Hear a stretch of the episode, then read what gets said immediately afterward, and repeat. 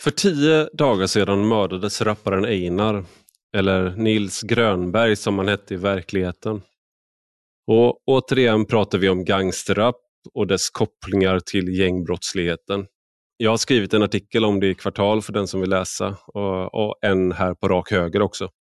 Men något jag funderar över är vad som är nytt och vad som är sig likt. Hur mycket är klassisk moralpanik från en oförstående vuxenvärld och hur mycket handlar om att det faktiskt rör sig om ett delvis nytt fenomen? Jag lutar åt det senare, vilket framgår av mina texter. Men jag kan inte komma runt att jag själv har blivit äldre. Och Jag gillar äldre hiphop. Och Jag tycker inte om hur den nya rapgenren, drill som den heter, låter. Och Kanske är det främst därför som jag eh, inte gillar de rappare som figurerar i polisutredningar. Det är ju ingen uppoffring för mig att ta avstånd från dem. Jag behöver inte sluta lyssna på någonting som jag gillar. I dagens podd så vill jag prata med någon som har ett kluvet förhållande till hiphop på ett delvis liknande sätt som jag själv. Och Fredrik Strage har jag följt sedan 90-talet. Genom åren har han hunnit skriva för en rad tidningar och han skriver regelbundet för Dagens Nyheter. Han har skrivit fyra böcker, varav särskilt Mikrofonkåt från 2001 och Fans från 2005 gjorde stort intryck på mig. Jag kan också varmt rekommendera hans podd Hemma hos Strage där han pratar med musiker och artister. Och idag så pratar vi om varför lyssnare kan lockas av gränslöshet, ansvarslöshet och våldsamhet trots att man vet att det är fel. Och Varför var det egentligen som Petter tryckte upp Fredrik Strage mot en vägg inne på en nattklubb och Ken Ring hotade honom med en av sina låtar? Nu till dagens gäst. Du lyssnar på Rak Höger med mig, Ivar Arpi.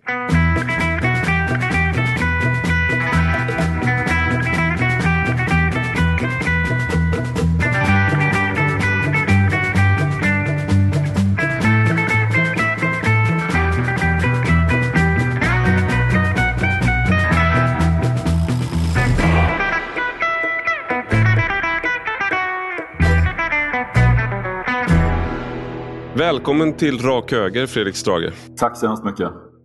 Det är väldigt kul att ha just dig här, för jag har liksom tillhör den generationen som, eh, där musik och eh, subkulturer var extremt uh, viktiga. Och Då har ju du varit liksom som en uh, nästan, uh, vad ska man säga, som inte som en möbel, för det låter nedlåtande, men du har funnits med hela tiden som musikskribent och i de genren, många av de genrerna som jag tycker har varit liksom har följt själv.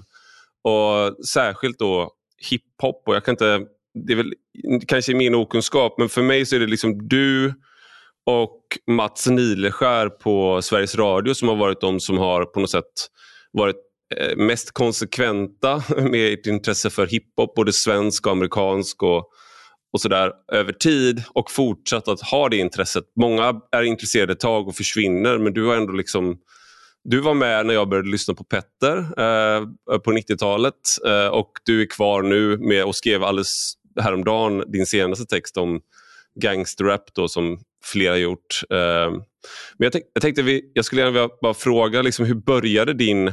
För, för, du hade en lite knagglig början med svensk hiphop om jag inte minns fel. Petter var inte, så här, han var inte supernöjd med din recension av hans debutskiva. Jag tyckte inte den var så bra, Mitt sjätte sinne. Nej. Och man måste nog backa lite för att förstå vad det var jag inte riktigt gillade. Det var hela den svenska rapvågen i slutet av 90-talet som jag uppfattade den som, som en ganska konservativ rörelse. De pratade om att hiphopen nu var för kommersiell och den äkta hiphopen den kom inte längre från New York utan den kom från Södermalm. Mm.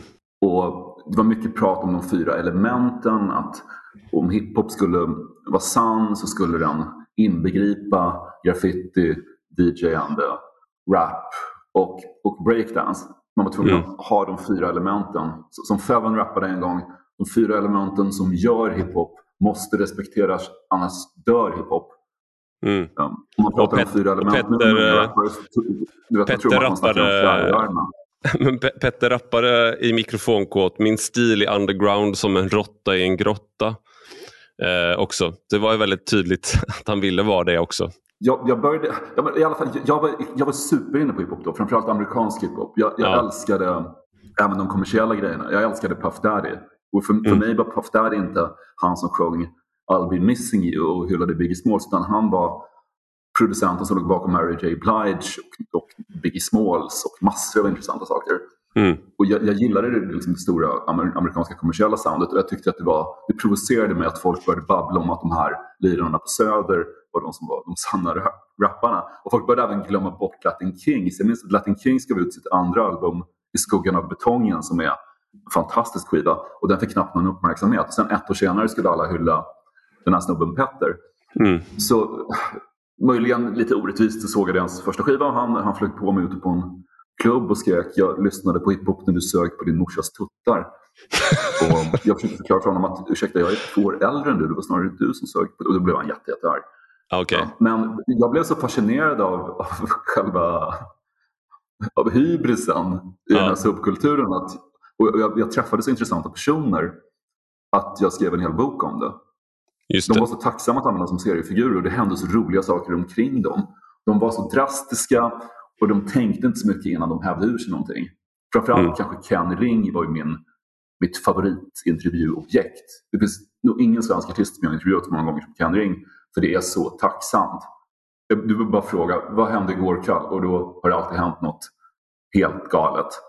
Och han har väl också varit en, eh, han rappade väl om dig också? Så att, uh, om en, jag kommer inte ihåg att ni, vi kommer ses i en gränd uh, om du fortsätter med dina recensioner. Ser du vad som händer? Sluta recensera, vi kanske möts i gränder. Ja. Men skivbolaget hörde mitt namn i den, i den låten, Gatuslang heter den, och tog bort det. De la det baklänges istället. Så okay. du är tvungen att ta vinylen och köra den baklänges. Då hör du Fredrik Ströge med lite uppfuckad röst sådär. Okej. Okay. Så det, var, ja, det, det blev ett himla halabaloo där. Men sen, och sen skrev jag den där boken och sen fortsatte jag att följa den svenska rapscenen och framförallt den, den amerikanska. Men jag har ju ärligt talat tappat lite av min hiphop-kärlek de senaste åren. Det handlar inte om att den skulle ha blivit mer våldsam eller mer nihilistisk. Det handlar uteslutande om att musiken har förändrats. Mm. Att jag själv har, har, svårt att ta mig till det nya sättet att rappa på. Just det. För att det, för mig är det för melodiöst. Det låter för slickat. Jag, jag, jag vill att någon ska låta hård och köttig. Som mm. någon bara står och liksom sväljer micken. Som Tupac eller, eller som Method Man i Wu-Tang Clan, kanske min favoritrappare. Eller Redman, annan som rappare. Just det. Som hade röster som jag hade, jag hade kunnat lyssna på dem när de läste upp en inköpslista för att de skulle gå och shoppa på Coop. Har du pitchat till dem att de ska läsa in så audio, audiobooks med Method Man kanske? Det kanske han skulle kunna vara så här för... jag undrar om någon har pitchat det till dem. Så här. Eller Ice Cube också. Jag, jag, jag, älskar hans röst så mycket. Och det fanns, det fanns någonting just när de samplade gamla 70-tals soulskivor och sen hade någon person som stod och skrek över det som jag tyckte var alldeles omotståndligt. Mm. Och, och, och jag, jag, är nog inte ensam om, om att känna sådär. Och det fascinerar mig att, att hiphopen lyckas mutera på ett sätt som gör att jag inte riktigt kan ta den till mig. Nej. Men det här, det här är intressant också för det finns en eh, någonting som när jag lyssnar på, för, jag, för mig har det gått i perioder, jag var, jag var väldigt inne, jag tror att jag var precis eh, eh, tvärtom mot dig när jag älskade den här underground-grejen. Det kändes som att man var en del av, verkligen av en subkultur eh, och jag gick och liksom använde min veckopeng för att köpa vinyl och sånt där. Eh, och för att hitta obskyra Har skivor. Har du vinylerna som du köpte då i slutet av 90-talet? Ja, ja absolut. Eh, de, de och... är ju värda en hel del pengar. Om du har gamla Petter-vinyler från 98-99, för du tryckte så få.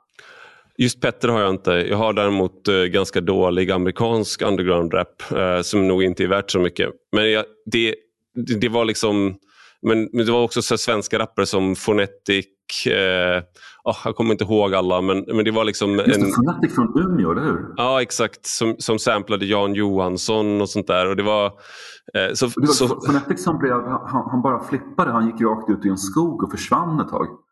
Jaha, gjorde han det? Jaha, det ja, visste han, jag inte. Han, han blev mytomspunnen för att han hade... Ja. Jag vet inte om han, om han fick en haschpsykos ute i en skog eller något. Han bara försvann in i, i skogen ett tag. Åh fan. Om jag hörde pratas om att han hade gått, gått upp i rök. Som att han var så briljant rappare att hans talang på något vis upplöste honom i atomer. Jag vet inte, det där är säkert en extremt överdriven historia. Det låter, det, går liksom, det låter lite som de här black metal, eh, den här black metal-musikern Ja, som ja, gick upp på ett berg och frös ihjäl. Frös ihjäl liksom. Han gick ut i skogen för att hitta någon typ av hiphop-mörker och sen försvann han där. Men jag, Ja. jag tror, han är nog inte död tror jag. Men, Nej, men han kanske kommer som, som göra comeback. i mobbade barn med automatvapen som blev frälst. Just det. Och de mobbade barn med automatvapen var exakt min... Liksom, jag var ju in, höll på med internetrap själv och skrev texter och gjorde liksom, hade min egen grupp. Jag skulle inte säga att jag har varit rappare, men jag skrev och gjorde, spelade in lite grejer. eh, Och eh, En av dem är Erik Lundin, som vi hade en grupp tillsammans, jag, han och två till, som är i- E-boy. då, och sådär. Så vi, men det här var liksom i slutet av 90-talet, så jag höll på att skriva. Och Och så, var, var någonstans bodde du då? Göteborg, vi träffades på nätet och så I hade vi Göteborg, liksom Okej. Och vad, just, och vad, vad kallade ni er för då när ni hade bandet? Eh, Poetic Disciples hette vi. Poetic Disciples, man hör ju på namnet att det här är riktig underground rap. Exakt, det var verkligen det och det var liksom inte särskilt bra men det var, det var liksom så egentligen jag kom in på skrivande till att börja med så det är väl eh, hiphopens fel att jag tycker om att debattera också för jag älskade battle rap och allt sånt där. Liksom. Men, men du, du, rappade, du rappade själv? Ja, det gjorde jag. Men det var inget vidare vad, vad hade värst. du för alias när du rappade? RP Nunn. Så det var mitt efternamn. Ja, som en akronym då. Det var för olika. Jag kommer inte ihåg exakt vad det stod Alltså för. Men, RP. ja, RP som RP mitt efternamn då. Och sen Nunn som Okej. ingen. Eh, men, men i alla fall, eh, så jag älskar den här underground-grejen. Och jag, men en anledning till att jag slutade hålla på med hiphop det var just den här jag tyckte att det blev töntigt, när, någon gång i sena tonåren tyckte jag att det började bli töntigt med eh, när folk i Sverige hade så jävla mycket attityd kring att de var så coola, de var så gatan. Och det var liksom en, jag såg det som en pås. Så jag hade så här en, en, eh, en tanke om att man skulle liksom bara att man skulle hålla på med rap men man skulle liksom bryta med liksom vissa av de här grejerna. För jag tyckte, bara, jag tyckte att folk blev, det blev töntigt. Sådär. Det kanske var för att jag var töntig och inte passade in men det var också så här. Det är den här perioden när man går igenom mycket och man tänker om och sånt där. Så, men sen har jag kommit tillbaka till hiphop senare. Eh, men då inser jag att det är fortfarande då eh, den perioden som du tar upp då med eh, Ice Cube, Redman, Method Man. Alltså det, det är de rapparna jag återvänder till, eller den stilen. Och då känns det nu liksom lite, jag skrev det här också, att det känns ganska tryggt för mig att lyssna på Who Shot You av Notorious B.I.G. Eh, som kom 94, tror jag det var. Eh, för att det, ha- det är liksom ingen som kommer dö eh, på grund av den låten idag. Men han blev ju skjuten. Men så det, är liksom, det, det, är så här, det är tillräckligt blodigt för han blev skjuten. Liksom. Men det är, Ja. jag vet inte, hur tänker du kring det där? Alltså just att, eh, för det är väl det här som är det är väl det här som jag tänkte är liksom kärnan på något sätt också. Att dagens eh, eh, svenska gangsterrap, förutom att den inte kanske då, om man är en boomer, inte kanske gillar eh, stilen i hur det låter. Men också att det kanske Jag inspirerar. På, på att, jag, jag tänkte ett tag att det kanske hade något att göra med att musiken har blivit så mjuk. Det Mm. blir lite som skillnaden mellan fotbollsmatcher och hockeymatcher. Om du går på en fotbollsmatch så, så kan det bli väldigt mycket våld mellan supportrarna. Mm. För du, du är ingen våld på plan. Minsta lilla knuff, då blir det straff. Går du på en Ja. hockeymatch så är det väldigt mycket våld på isen. Men inget våld bland supportrarna. Just För du har det. redan fått se så mycket våld på, på isen. Och jag tänkte Mm. att det kanske är som med hiphopen också, att den har mesat ur så pass mycket nu rent musikaliskt att man måste kompensera för det genom att leva rövare vid sidan av scen.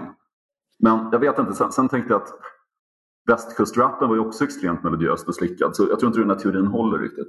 Jag vet att kinesiska gangsters ibland, eh, eh, alltså kompisar som bott i Kina länge, att man kan ibland, det kommer in eh, alltså, organiserade kriminella och sjunger karaoke och då sjunger de väldigt smöriga sånger. Liksom. Ja, Och det är inga konstigheter. Så att eh, de är både väldigt farliga men sjunger liksom låtar då som skulle uppfattas som extremt liksom, eh, alldeles, det, det passar inte ihop med deras liksom, vad de är, så att säga. Man får inte ihop det eh, på, i en västerländsk kontext. Eh, sådär. De kanske vill visa sig snälla, eller det blir lite som att, nu kanske man inte ska betrakta Soprano som, som verklighet, men att Tony Soprano hela tiden bryr sig väldigt mycket om gulliga djur. Ja, just det. Han, han, han, han, han blir otroligt upprörd när eh, Christopher Moltisanti har råkat sätta sig på sin flickväns hund och haft ihjäl den. Det tycker han är mer fruktansvärt än att de har skjutit ihjäl hur många som helst. Men jag, jag, vet inte, är, är rap skadligt? Jag, om, man, om man utgår från att konstnärliga verk kan, kan leda till kriminalitet så, så, finns det ju ett annat verk som man skulle kunna beskylla för att ha orsakat 40 år av kriminella aktiviteter. Alltså ett verk som polisen ständigt stöter på när de gör razzior hos svenska gangsters. I, I, varje lägenhet, hörde jag en polis säga, i varje lägenhet så mm. sitter samma grej på väggen, en Scarface-affisch. Just det. Att alla dyrkar Scarface med Al Pacino. Och det är ändå mm. en film som med all önskvärd tydlighet visar att det går åt helvete om man håller på med sånt där. Mm. Och ändå så fortsätter Tony Montana vara en förebild. Mm. Så jag, jag, vet, jag vet inte. Det är ju, det, det, texten som jag skriver i fredags var verkligen skriven i affekt. Och mm. ibland när jag, när jag, skriver saker så inser jag inte att för, förrän sen att hmm, vänta, jag har varit här förut. Jag, jag har mm. försökt sluta lyssna på Morrissey till exempel. Okej, okay, ja, poli- hans, av, av, av rent ideologiska skäl. Nej, mm. nu, nu, jag pallar inte att, att du kallar kineser för en underart. Skärp dig. Jag, jag, jag klarar inte av att du stöttar eh, kvasifascistiska brittiska partier. Det här, Jag står inte ut med det här längre. Nu slutar jag lyssna på Morrissey och så lyckas man sluta med det i en månad mm. eller två. Så jag, för han, är, han är fortfarande bra. Sen gör han en ny låt och sen är jag tillbaka där igen. Mm. Uh, nu senast så han, han gjorde ju ett gig på, nu ska vi inte prata om Morris hela tiden, men han spelade på Wembleys Annex precis mm. när pandemin höll på att bryta ut. Och mm. Han har ju ställt in konserter tidigare för att han har tyckt att arenan varit ful eller för att han kommit på att han inte vill uppträda för tyskar eller för att han har känt sig lite krasslig eller för att det varit för varmt eller för kallt. Och nu säger folk åt honom, du, det är inte så ansvarsfullt att uppträda för 10 000 mm. pers när det är ett nytt virus som sprids överallt. Du borde inte göra det där. Han ska direkt då göra tvärtom. Ja. Så han spelar och han går upp på scen och så gör han en a cappella-cover av vet du, Skeeter Davis The End of the World. Ja. Så otroligt vacker ballad från början av 60-talet. Ja. Um, Don't you know it's the end of the world since you left me. Liksom. Och han sjunger några rader ur den och sen nyser han på publiken. Alltså, hur, hur, kan man inte älska en artist som gör något sånt? så. Ja, det, och sen dess är jag ja. helt tillbaka i Morrissey. Och det, ja. Men vad är, det, vad är det man gillar då? Alltså för det, för du, säger, du säger så här i texten, tänker jag, att du, det, det blir ju då att, för du inleder texten så här. Kära gangsterrap, unga människor blir mördade och de säger att det är ditt fel. Och mitt lite grann, eftersom jag älskat dig som mest när du har varit totalt ansvarslös. När du bara handlat om vapen, sex och droger. Ärligt talat är det just de inslagen som jag tyckt bäst om i den nya svenska rapvågen. Medan jag haft svårt för den mesigt autotunade musiken. Och det har vi varit inne på. Men kan du förklara vad är, vad är det med det här ansvarslösa? Jag, jag ställer frågan som om att jag inte förstår nu. Vad är det med det här ansvarslösa som du tycker är tilltalande? För det går ju igen nu i det du ja, säger om Morrissey också på ett sätt. Det går igen i det, det jag uppskattar i olika typer av extrem metal också. Något totalt aggressivt i den typen av rap som jag uppskattar. Och jag, jag, jag tror att det mm. tillfredsställer ganska, ganska djupa behov hos människor. Att uppleva en total aggression. Har du tittat mm. på Office Space, den filmen? När de de, de säger ja. upp sig från jobbet. Det är min bästa film. Efter kopiatorn från kontoret som alltid har, liksom, aldrig har fungerat. De är så arga på den kopiatorn. Och de tar med den ut på ett fält och tar med sig basebollträn och slår sönder en kopiator samtidigt som de lyssnar på Still med Ghetto Boys. Där de rappar det här Back up in your ass with a resurrection. It's the group harder than an erection that shows no affection. They want to ban us on Capitol Hill because it's die motherfuckers, die motherfuckers kill. Den, den låten är kanske den ultimata gangsterrap-låten. Och just när de står där, de här kontorsarbetarna, ja. pulveriserar en skrivare. Det är kanske den funktionen som jag uppskattar hos, hos gangsterrap. Och sen, jag är ju till och med de har ju med en scen i den filmen också som jag tänker kanske, eh, jag ska inte kalla dig för en wigger nu, men jag tänker kanske passar in på... När, han sitter i bilkön och rappar? Ja, exakt. Och rappar och så ser han en svart man komma gående och så, så långsamt så vevar han upp fönsterrutan liksom så här, eh, samtidigt som han fortsätter. Liksom. Så det, just den här att det, det är inte det är, det är liksom en, en, fiktiv genre på ett sätt. Och det, jag, jag har ofta tänkt så när jag gick över till och började lyssna på hiphop typ när jag var så 12, 12 år ungefär. Då började jag lyssna på Wu-Tang Clan och jag gillade fantasy. Och det var så en mjuk övergång. För att eh, här har vi liksom eh, musik som då är, eh, som jag gillade musiken, alltså själva hur det lät. Men ja, det var också väldigt mjuk övergång för att de rappar ju om svärd ja, och Shaolin-munkar och kung fu. Liksom. Och det var ja, det, det, det, jag läser om. Liksom. I alla gamla intervjuer, och det, det de alltid pratar om var att nu de pratar om att de, de rappade inte, de sa we're gonna drop science. Nu ska vi berätta rent vetenskapligt hur verkligheten ser ja. ut. Här kommer djupa, djupa intellektuella tankar om universums uppbyggnad. Och sen kommer det helt vansinniga grejer om att mm. CIA skickar signaler till, en, till ett mikrochip i Old Dirty Bastards ben eller vad det nu är. Och det, det, är väl den typen av paradoxer som jag älskar så mycket med hiphop. Att å ena sidan, vi visar verkligheten. Så här mm. ser det ut i verkligheten idag. Och, mm. och alla spetsar öronen. Okej, berätta. Hur ser det ut i verkligheten? Och sen kommer helt groteska överdrifter mm. och grov sexism och ett fasansfullt mm. våldsfrosseri. Och det, det är just den mm. biten att, att folk tycker att det, att det ska vara uppbyggligt och sen kommer det något som är helt uppfuckat. Det är väl, jag gillar den typen av paradoxer och det, det, det, är, inte, det är inte bra egentligen. Men det, det, det, det, är väl där någonstans jag tycker att det är intressant. Alltså det är väl det här jag tänker att det är ju... fortsätter att vara... Det är, en, det är en märklig subkultur. Den har funnits så himla länge. Nu skulle många äldre hiphopare förstås hävda att det här är inte ens hiphop längre. Den har noterats många gånger att det går inte att jämföra Drilo med Grandmaster Flash. Det, det, har hänt för mycket på vägen för att man ska kunna kalla Nej. det för hiphop. Det, det här är något annat, det här är något nytt. Och jag vet inte. Det, Ja, men, och det är väl, man kanske inte skulle... Det kanske är att man klumpar ihop för mycket. Det kanske är som att jämföra Deep Purple med eh, Bursum. Alltså jag vet inte. Att man, eh, man går för långt i liksom, jämförelsen. Och, men det finns ju vissa paradoxer i de här grejerna tänkte jag också. att När, när Grandmaster Flash, när liksom den första eh, generationen av hiphoppare kom eh, med Sugar Hill Gang och eh, sådär. Men då var ju, särskilt New York, var ju en extremt eh, eh, nedgången stad på många sätt. Väldigt brottsutsatt och hela The Message, den låter ju kul. Men det är ju en ganska tung text om man lyssnar på den. Eh, och det handlar ju egentligen om att liksom, om en, don't push me because I'm close to the edge.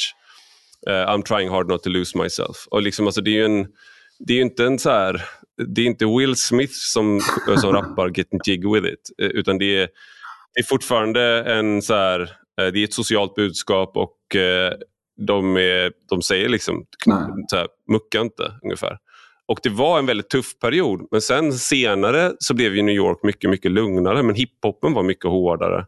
Alltså typ när, när, när i New York-rappen liksom med Mob Deep och eh, liksom det mörka med Onyx och liksom det mörka eh, eh, soundet. Liksom. Men då var ju egentligen staden var ju mycket lugnare på många sätt samtidigt som... Precis, det kanske folk hade ett behov av... Jag menar, människor som verkligen lever i, i misär, när det verkligen är illa, då, då, då kanske du vill lyssna på, på något mysigt. Britpopbandet James Ja, Rick James, Superfreak. Ja, jag började tänka på britpopbandet James, de med Sit Down. Okay. fin låt för övrigt. Men, ja, men det, det, kanske är så att när, när människor, jag har alltid tänkt det med, med, det här är kanske en jättekonstig parallell, men att många som är riktigt gamla börjar klä sig i blommiga mönster. Mm. Så gamla tanter har ofta blommiga klänningar. Mm. Och då tänkte de kanske är så nära döden att de, de har inget behov längre av att ha svarta kläder utan de, de vill ha något blommigt på sig istället. Just det, den sista våren sätter man på kläderna. Precis. Det, är en, med, medan när du är i tonåren så kan du närma dig döden och du kan närma dig hemska saker. Du har ett behov av att göra det. Men är det också en dödslängd? Speciellt när du är äldre och du försvinner det här. Ja. Det, det, du, du inser liksom att, att det finns inget häftigt med döden. Det finns inget erotiskt eller läckert förbjudet med döden utan det är bara total frånvaro. Det, det finns inget där. Um, Just det.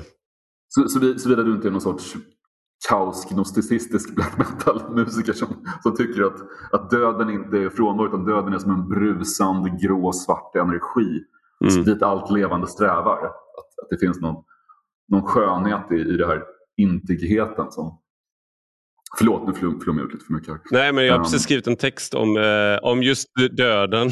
men, men eh, just att eh, jag, jag, tror att det finns en eh, det finns en, en aspekt som har att göra med åldrande här. Att, eh, jag tänker på, jag såg precis en, eh, en av de allra första, jag, jag gillar MMA-boxning och sånt där, det, men det har avtagit eh, lite med, med åren. Men det har mest att göra med att jag inte har tid tror jag.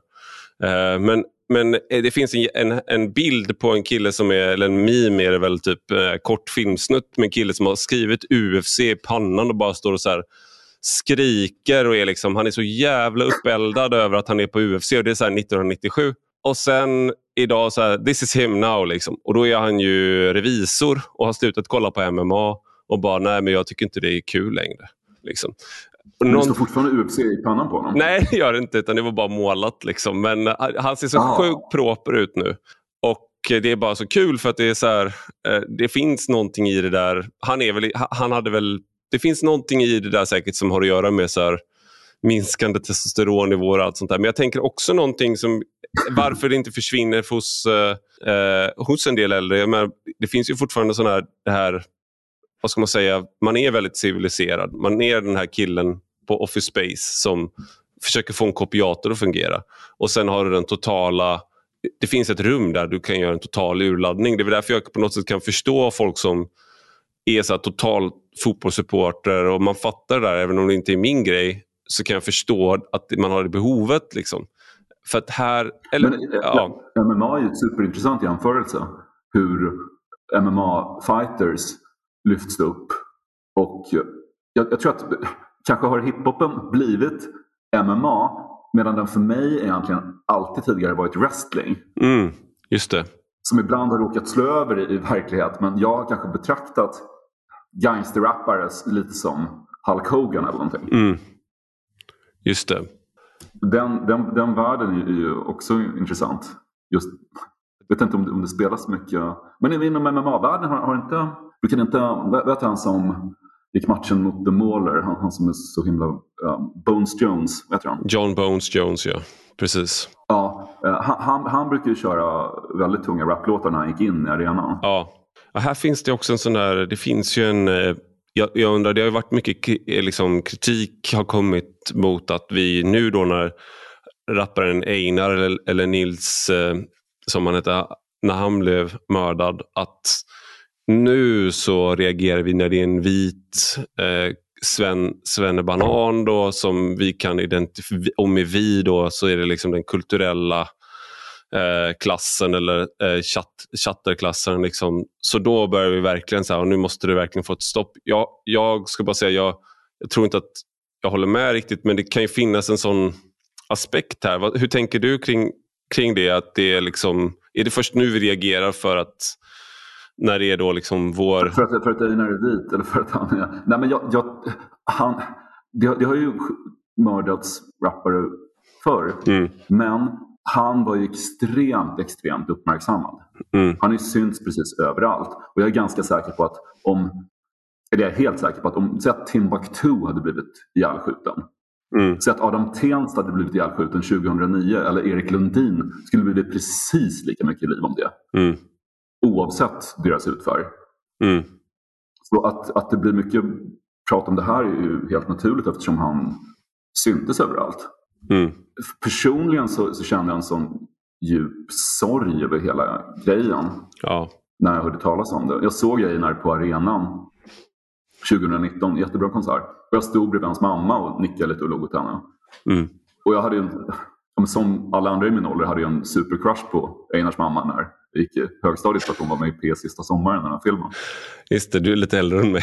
ja, ja. När, när hon, hon dansar. Jag, jag gillade även, en av mina guilty pleasures är det gamla svenska bandet Transdance. Just det. Mm. Och de hade, det finns en superbra Transdance-låt som heter Emergency och det, i videon, de uppträder i P sista sommaren och då ser man henne dansa till ja. Transdance. Emergency, som för övrigt Tom Piha, alltså från fjärde världen. Mm. Vad hette hans um, grime-alias?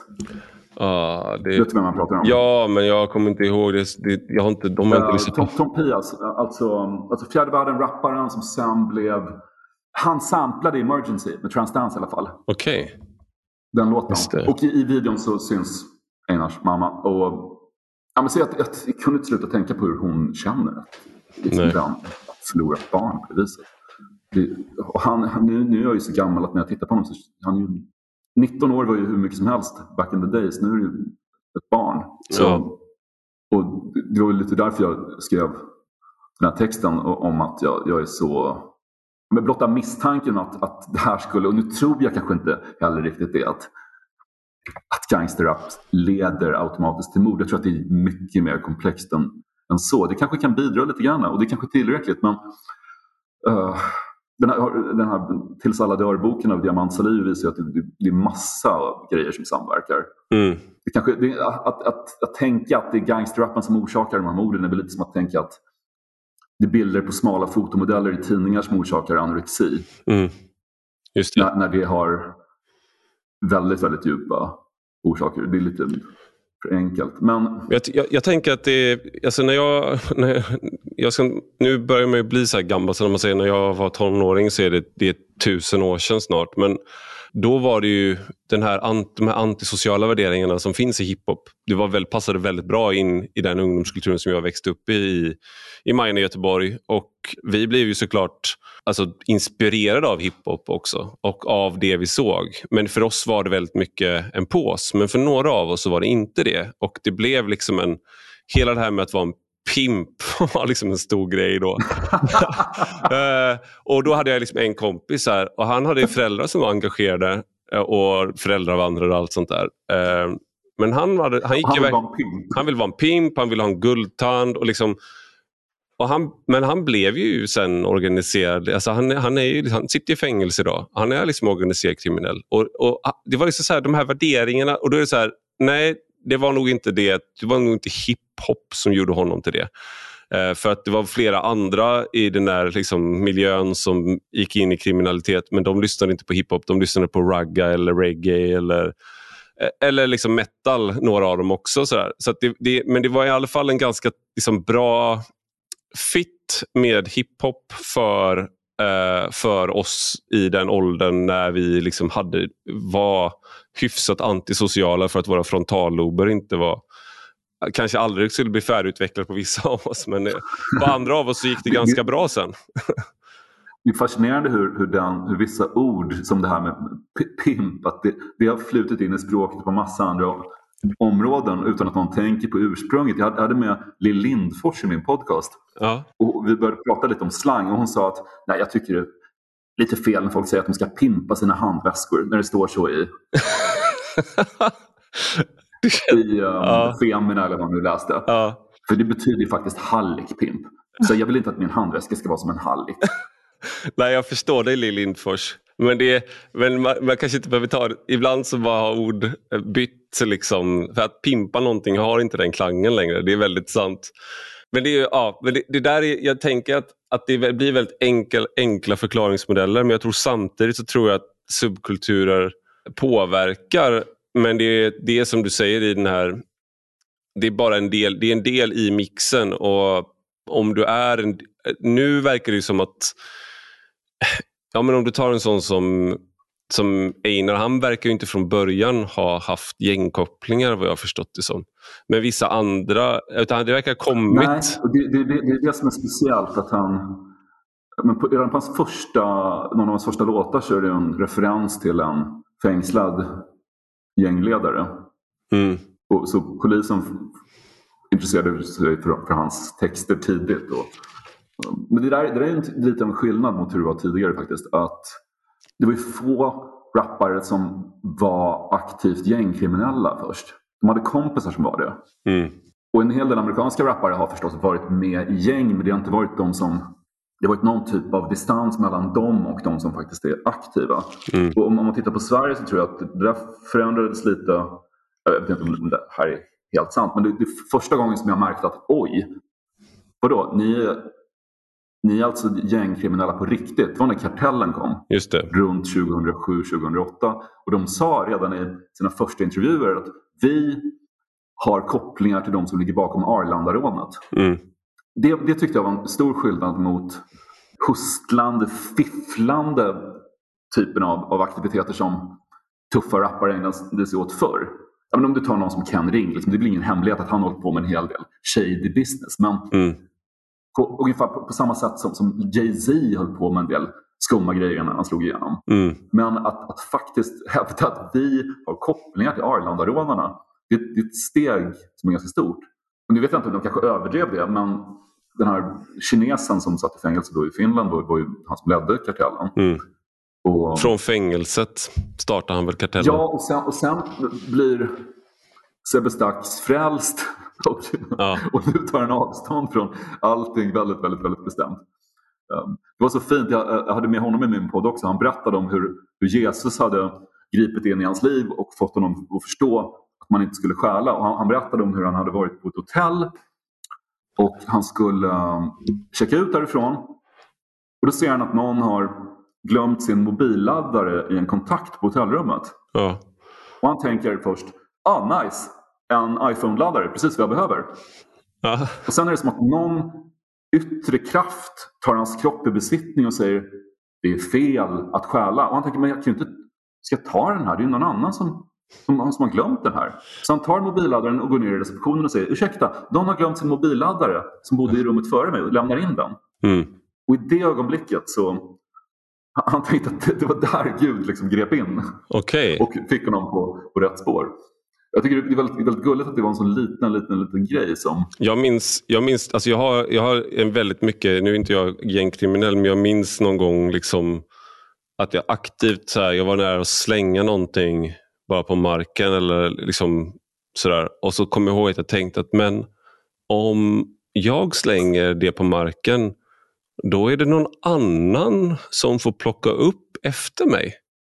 Och Det var liksom första gången som jag hade tänkt det själv. Det var liksom inte en extern person som sa det till mig utan det var bara så här, det kom inifrån och jag minns det så tydligt. Att det var liksom, då var det som att någonting i hjärnan slog på som hade varit avstängt hela livet fram tills dess. jag minns inte vilket... Jag var, jag var på turné med... Gud, jag minns inte vilka det kan ha varit. Eller jag, på en festival. Jag pratade med något svenskt rock. Det kan ha varit Sator. Ja, Det kan ha varit Popsicle om det här med att slå sönder hotellrum. Och någon sa, nej men det är så onödigt. Det är bara någons mamma som är tvungen att städa upp det där. Just det perspektivet att ja, men det är någons stackars nästan sjukpensionerade morsa som måste plocka upp allt glassplitter efter att vi har slagit sönder en spegel i badrummet. Är varför ska vi göra det? Det är väldigt, eh, det, det tar bort, eh, om man anlägger det perspektivet, det tar bort väldigt mycket av vad ska man säga, den farliga rockkänslan i det. Hela rockmytologin bara Exakt. Och man börjar tänka att det är alltid någon stackars gamla mamma som är. Sitta på knä, liksom, nära pension. Är det det här som är liksom, ja, tre år till av det här innan jag får gå i pension? Sen, sen tycker jag i och för sig att de senaste dagarnas debatt har varit ganska roande. För det, är någon, det är en viss nivå av, av hybris att tänka att den svenska kulturjournalistiken har, har betytt så mycket för den svenska gangsterrappen. Att, Mm. att det är ett misslyckande för kulturjournalistiken att, att rappen har spårat ur. Jag tror inte att de här artisterna läste DNs kultursidor sådär jätte, jättemycket. Men det här tyckte jag var intressant för att det, ja, det känns som att det är ett skifte här och det här är någon, någon, någon, var någon som dissade, var det Anna Björklund tror jag som dissade dig för ett tag sedan eh, lite grann. Du svarade så här, ja nej det är sant att eh, det är ingen som frågar, det är inga tjejer som följer med en upp eh, för att man har Portisheads nya så här, senaste skiva eller det- man har inte den Nej men precis, det, kunde- det kunde man ju ragga genom förr i tiden. Ja, och jag tänkte på det. Ja, men det, det. Jag tror du svarade henne på Twitter om det. Att ja, nej, men det är absolut så att typ, musikrecensent är inte vad det var. Och jag tänkte på det. Ja, Att, verkligen inte. och Petter, att just det här att Petter fysiskt liksom, ja, men, alltså, hade han varit eh, mer som dagens rappare så hade du kanske blivit, s- s- fått en smäll eller mer i alla fall. Eh, och liksom att Ken Ring rappar om det då. Eh, den relationen som du då fick med dem, för de vände sig ju då till dig som musik. Du var viktig för dem på något sätt, som en gatekeeper. Ja, och det är lite fint att, att en del personer fortfarande tror att, att, att att jag är viktig. Eller att det, men någonstans, när det gäller makt, så om, om, jag, om jag hade något inflytande då skulle, då skulle Kite sälja ut Ullevi. Ja. Men det gör de inte. Nej. Nej, om jag hade... Ja, jag ska inte säga vilka band jag har lyssnat på. Men eh, jag, jag, tänker bara på det med en sån där... Du blir nyfiken. Vad, vad, vad, lyssnar du på? Jag är jättebesviken för att jag skulle gå och se Heilung eh, när de kom till Stockholm nu. Och det är liksom... Eh, ja det är så här, de gör proto-germansk musik. Eh, så det, är liksom, det handlar inte om orden utan det handlar om wotan. Och så är de så uppklädda. De lägger extremt mycket tid på sina liveshower. Liksom. Men vänta, eh, är det, något, det är lite neofolk-hållet eller? Ja, men det är liksom så här, ja, hur lät det i liksom Teutoburgerskogen när, när romarna, när tre legioner förintades? Liksom. Eh, ungefär så. Eh, och eh, det, typ första kommentaren är liksom till deras eh, låd om orden då, som heter Al-Fadir Haitir. är liksom “Everybody's gangsta till somebody starts playing the bones”. Så här, för de spelar på ben då bland annat. Men ja, det är ett. Sen var jag såg The Who, som då liksom, om man då pratar om negativ, eh, negativa texter, som då ha, handlar väldigt mycket om Genghis khan. Eh, och de har också så här, tagit med mc-gäng i sina musikvideor. Liksom, och att de ska resa den svarta fanan igen och liksom ta över Eurasien igen och sånt där. Och då står man liksom och sjunger med eh, i, Stockholm liksom, när de kommer. Bara, typ så här, så någon sa liksom att ja, för tusen år sedan var det så här, ja, men, oh my god, mongolerna kommer och nu är det så här, oh my god, mongolerna kommer. Så där. Och, och det blir så, eh, det, det är väldigt ond bråd död men när, om det har gått ett tag sedan det var folkmord så kan det bli plötsligt bli typ en bra, bli typ bra musik plötsligt. så här.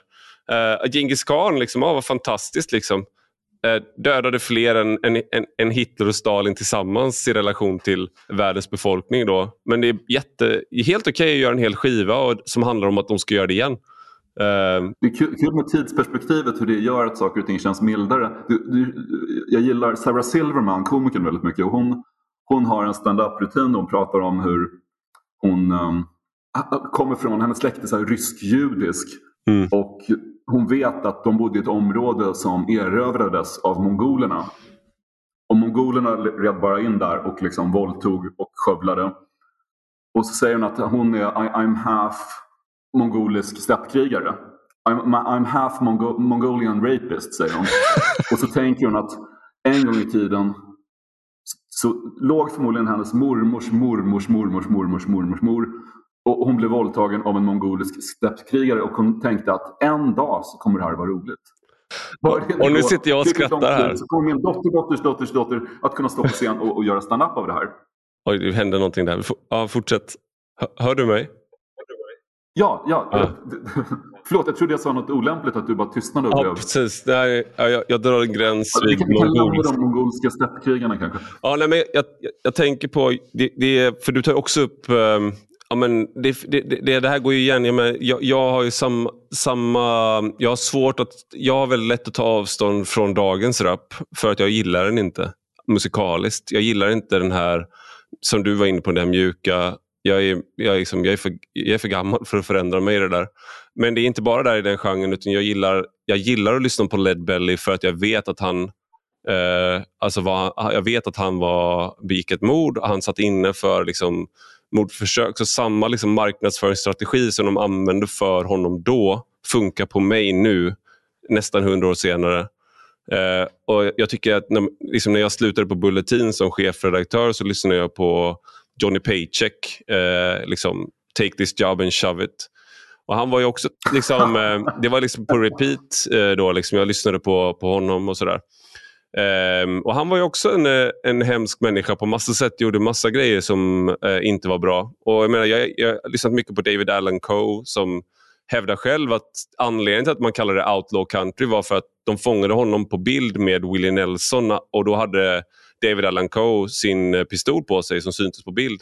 Och Han var ju anknuten då till Outlaw Motorcycle Club som var en, en enprocentarklubb som är konkurrent till Hells Angels. Så att, liksom, och Jag tycker om den här musiken men det, jag tror inte att någon är liksom, det är ingen som är orolig för mig att jag ska radikaliseras av det här. Jo, alla, alla, är, alla är djupt oroade, Ivar. Ja, det, de är lite oroade ibland. Eh, när jag, jag, citerade Ernst Junger om en yxa, då var folk lite oroade. Men det är, liksom, det, det är något annat då. Fast det är, väl, det är väl mer en idé om det laglösa som är tilltalande än det faktiskt laglösa i sig. Men det, det är en mm. massa mm. black metal-band som också hänger med motorcykelgäng. Ja. Jag vet att Watain som jag älskar har, har umgåtts en del med motorcykelgäng. Och det är ju kul till en viss del. Sen när de väl sitter där tillsammans mm. och ska liksom dricka öl så kanske de inte har så himla mycket gemensamt. Nej. Men det är, det är För kraft. de som är laglösa motorcykelgängmedlemmar kan inte relatera till den kaosgnosticistiska trosläran. De fattar ingenting av det. nej, nej. Hörni killar, ska vi diskutera gnosticism eh, idag eller vad fan? Okej, okay, nu, nu lät jag fördomsfull. Det finns säkert några som... Men, men menar, det, det är som med Rolling Stones när de valde att ha Hells Angels som, som säkerhet på den här Altamont-konserten. Ja, det var jättehäftigt, men var det en bra idé? Nej. Nej. Det är ingen toppidé att ha motorcykelgängmedlemmar som står med biljardköer och spöar folk. Liksom. Det, det går inte att på en rockkonsert. Det är ingen toppidé. Jag, så... jag tänkte bara, en, en, sista sak. Jag vet att du måste gå alldeles strax. Jag skulle, kunna, jag skulle gärna prata hur länge som helst om det här. Eh, men eh, någonting, som man, någonting som har funnits i amerikansk rap eh, väldigt mycket, det är så här äldre rappare som ska tillrättavisa yngre rappare och vara moraliserande. KRS One är ett exempel. Guru i Gangstar var, gjorde ofta det också. Och också då med, parallellt då med en slags så här, eh, silverryggskaxighet, att ni vet fan ingenting. Liksom. Men det var väldigt mycket sådär att ni tror att ni liksom, taggar ner de här gangst, den här gangsterskiten och liksom var och sådär. Det, fanns, det finns en sån dynamik i amerikansk hiphop men jag, jag, i svensk hiphop idag så det, det är inte så att Pet Petter, Ken Ring och liksom eh, Fattar du eller något sånt där. Nej, men andra äldre rappare liksom skulle eh, skriva, här, skriva en gemensam låt om typ We are the world fast i hiphop-version. Så att nu lägg ner vapnen killar. Sådär. Det har inte kommit i alla fall. Har du någon tanke om varför? Har Sebbe Stax tangerat det lite grann? Jo, det har han. Ur sitt kristna perspektiv? Jo, det har han. Jag, jag tar tillbaka där, men jag tror att liksom han har väl på ett sätt så skulle man, jag vet inte om man, det är kanske elakt mot Sebbe Stax nu, eh, men att när man går in i den här kristna världen, att man, han samtidigt har lämnat den här alltså, eh, vad ska man säga, värderingsvärlden som hiphop utgör på ett sätt för att nu är det Gud som är stora. Men de här andra som fortfarande gör musik som Petter och sånt, som har varit pionjärer och har varit viktiga, att de inte tar jag vet inte, försöker att tillrättavisa i större utsträckning. Med Sebbe Stax är ett undantag då. Jag kan, jag kan föreställa mig att det har gått så pass många år att de äldre svenska rapparna är medvetna om att de yngre knappt vet vilka de är. Mm. Och, och, musiken har, har förändrats så pass mycket att de är kanske osäkra på, okay, kan jag klampa in här, är det här ens min subkultur längre? Eller har det hänt för mycket? Just det. Men jag, jag, jag intervjuade Ice Cube en gång. Ja. Och eh, då hade han precis gjort en skiva där, där han rappade om att yngre rappare är helt värdelösa. Han rappade så här, all you can rap about is um, women and, and money. Mm. Och då frågade jag honom, så här, på vilket sätt skiljer det sig från din klassiska rad Life ain't nothing but bitches and money. Och han sa, well I was young and stupid. Jag var ung och dum i huvudet. Mm. Unga människor är dumma i huvudet, slog mm. Ice Cube fast. Ja. Det är då man vet att man har blivit gammal när Ice Cube Exakt. säger det. det är lika bra att lägga ner. Det var som när Charlie Sheen uh, han, uh, han insåg att han hade drogproblem. Det var liksom när, när Slash gjorde en intervention. Då han bara, okej, okay, när, när Slash i Guns N' Roses säger till en att man har drogproblem, då har man det. Liksom. det när Ice Cube säger att, du liksom att, man är, att unga är dumma, då vet man att okej, okay. I'm old. Kul. Men eh, jag vet inte om vi kom fram till om gangsterrap är orsaken till allt våld eller inte orsak alls. Men eh, vi... Vi kan bara hoppas Ivar. Vi kan hoppas. Stort tack för att du var med i Rak Höger, Fredrik Strage. Tack så hemskt mycket. Och stort tack till dig som har lyssnat. Detta är alltså en del av en större publikation på Substack med samma namn som podden. Den som prenumererar där får två texter i veckan utöver den här podden varje söndag. Gillar man det man läser och hör så får man gärna bli betalande prenumerant för 5 euro i månaden eller 50 om året. Och då får man också ta del av lite extra material som är exklusivt för betalande prenumeranter. Du hittar rubbet på ivararpi.se. Och har du några frågor eller synpunkter kan du alltid mejla mig på ivararpi.substack.com. Vi hörs om en vecka.